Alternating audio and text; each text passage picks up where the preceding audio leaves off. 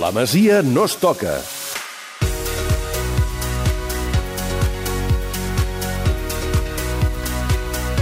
Futbol. Eh, Oriol, avui ens vols parlar de Carles Alanyà en primer terme perquè Alanyà avui ha entrat per primer cop a la convocatòria de la selecció espanyola Mhm. sub-21 que dirigeix a Albert Celades. Home, és un jugador que, la major... que per cert, avui és el seu compleanys, de l'Albert Celades. Mira, El fel- ah, sí, sí que ho he vist. El felicitem Doncs per de... molts anys a l'Albert. Des d'aquí.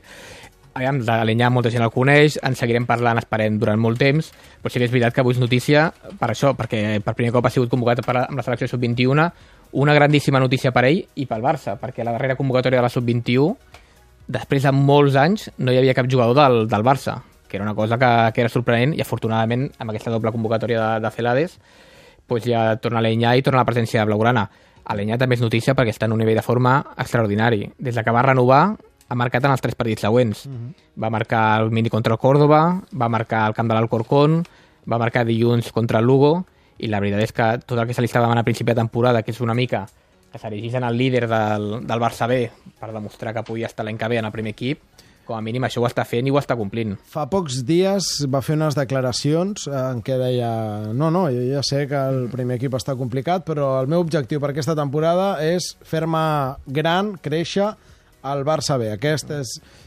I em va semblar que en un món, i jo a vegades peco d'això, en què tenim molta pressa amb els joves i que per tant els hi contagiem pressa, em va semblar una declaració d'extraordinària maduresa, d'in- d'extraordinària intel·ligència, al marge de que jo pensi que hi ha 4 milions de migcampistes al primer equip i que l'Anyà pot fer el Pino Puente, que no pujarà aquest any.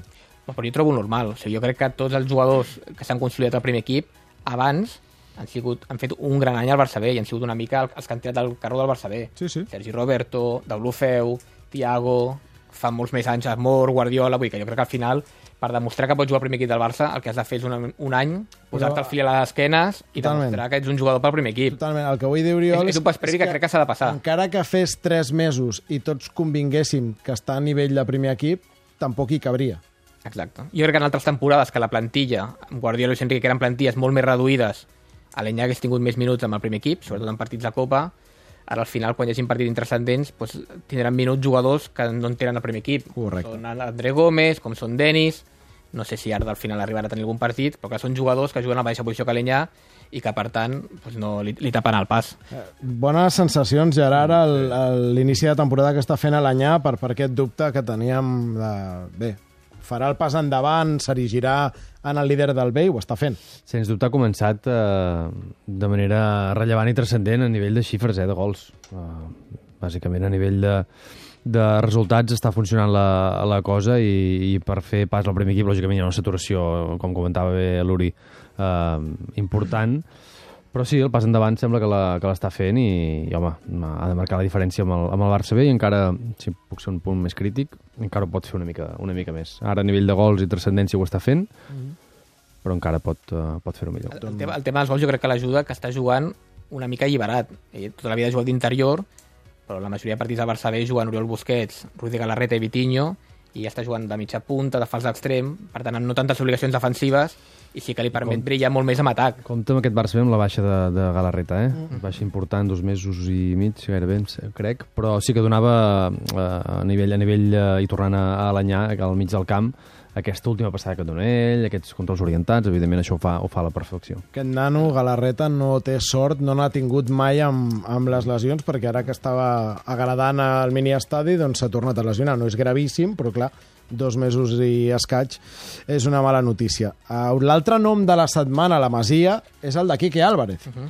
Ha marxat al Villarreal com a segon entrenador de Calleja, el nou entrenador del primer equip de, de la Plana, i per tant queda eh, quedava vacant la, la posició, la banqueta del juvenil B que ocuparà Javi García Pimienta, que fins fa no gaire, eh, vaja, fins aquesta setmana, era assistent de Gerard al, al Barça B. Correcte, era el, era el tercer entrenador, el segon és Felip Ortiz de Gerard, la tercera García Pimienta.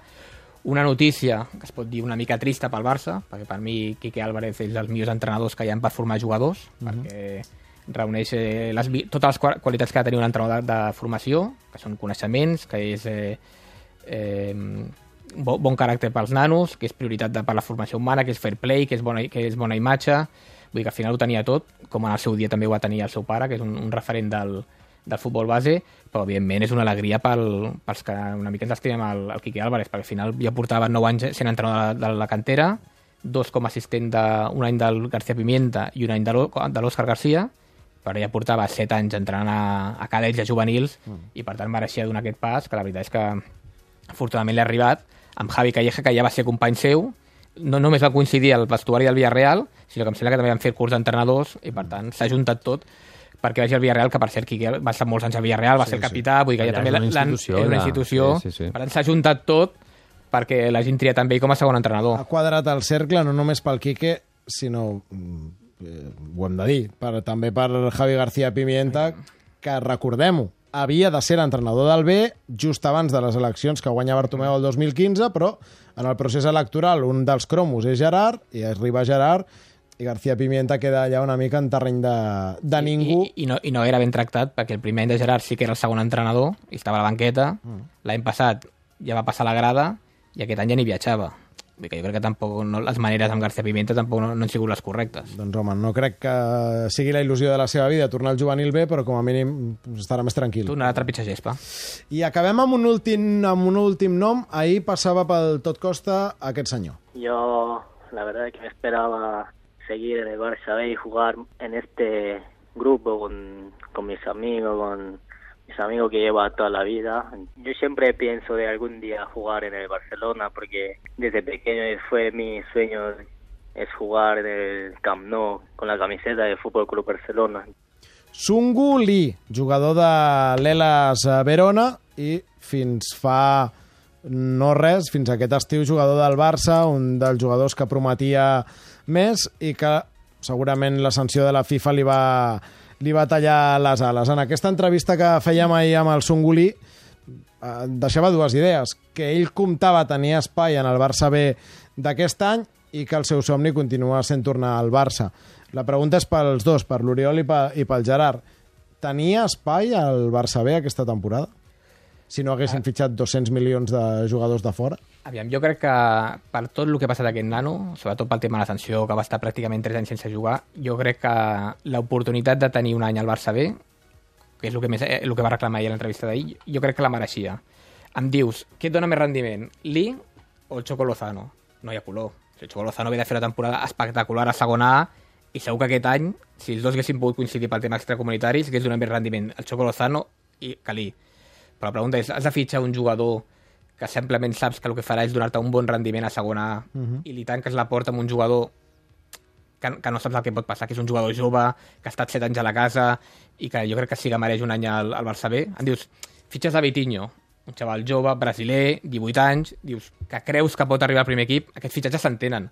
Però fitxar un jugador de 24 anys simplement perquè l'any passat el Tenerife va fer una gran temporada i és un dels millors golejadors de la categoria, És- i és el tipus de fitxatge que no faria si al final tens dos plates extracomunitari i el que fas és que un nano de la casa hagi de marxar. Per mi, jo ja sé que l'objectiu és mantenir-se a segona, però per mi la diferència és eh, entre, entre fitxar jugadors que no jugaran mai al primer equip, que ja ho saps quan els fitxes, De rendiment immediat a la categoria, a segona divisió A. Doncs, per, llavors no és un També es filial. va fer l'any eh? passat, És, és, un equip, au- és un equip autònom. No és el un Barça filial. no té un filial, té un equip a segona divisió. No té funcionament de filial. Uh, i, i, I l'Oriol perquè ha comparat eh, el Lee amb el, amb el, amb el Choco Lozano. Mm, jo estic d'acord, el que passa que eh, quan l'Uri comença, o comenta mm, mereixement, no? parlant de mereixement, eh, ens parlem de mereixement probablement per la injustícia que va viure aquest nano, perquè va estar dos anys, dos anys? Gairebé tres. Millor, Sí, gairebé gairebé tres anys, eh, anys sancionat.